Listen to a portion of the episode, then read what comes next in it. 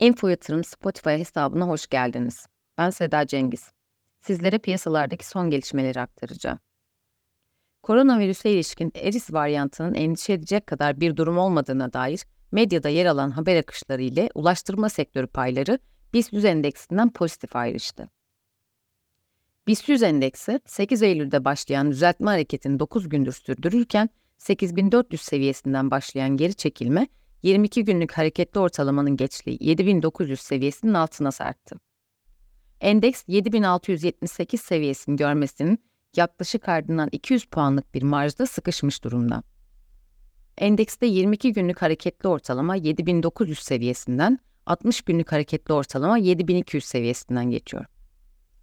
7900 seviyesinin üstünde kalmamız durumunda 8300 seviyesinin kısa vadeli hedef olmasını bekliyoruz. Aksi durumda endekste dip arayışları devam edebilir.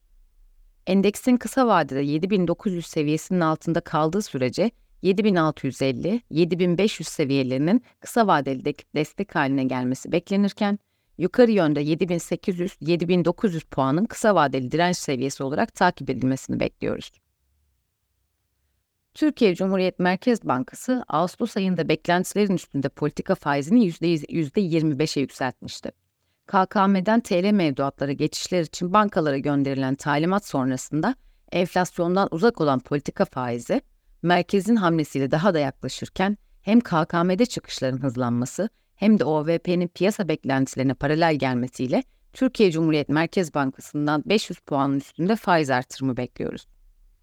Cari açığın kontrol altına alınabilmesi adına hem iç talebin düşürülmesi hem de bankaların kredi musluklarının daha da kısılacağı beklentileri görüşümüzü ve beklentimizi destekler nitelikte.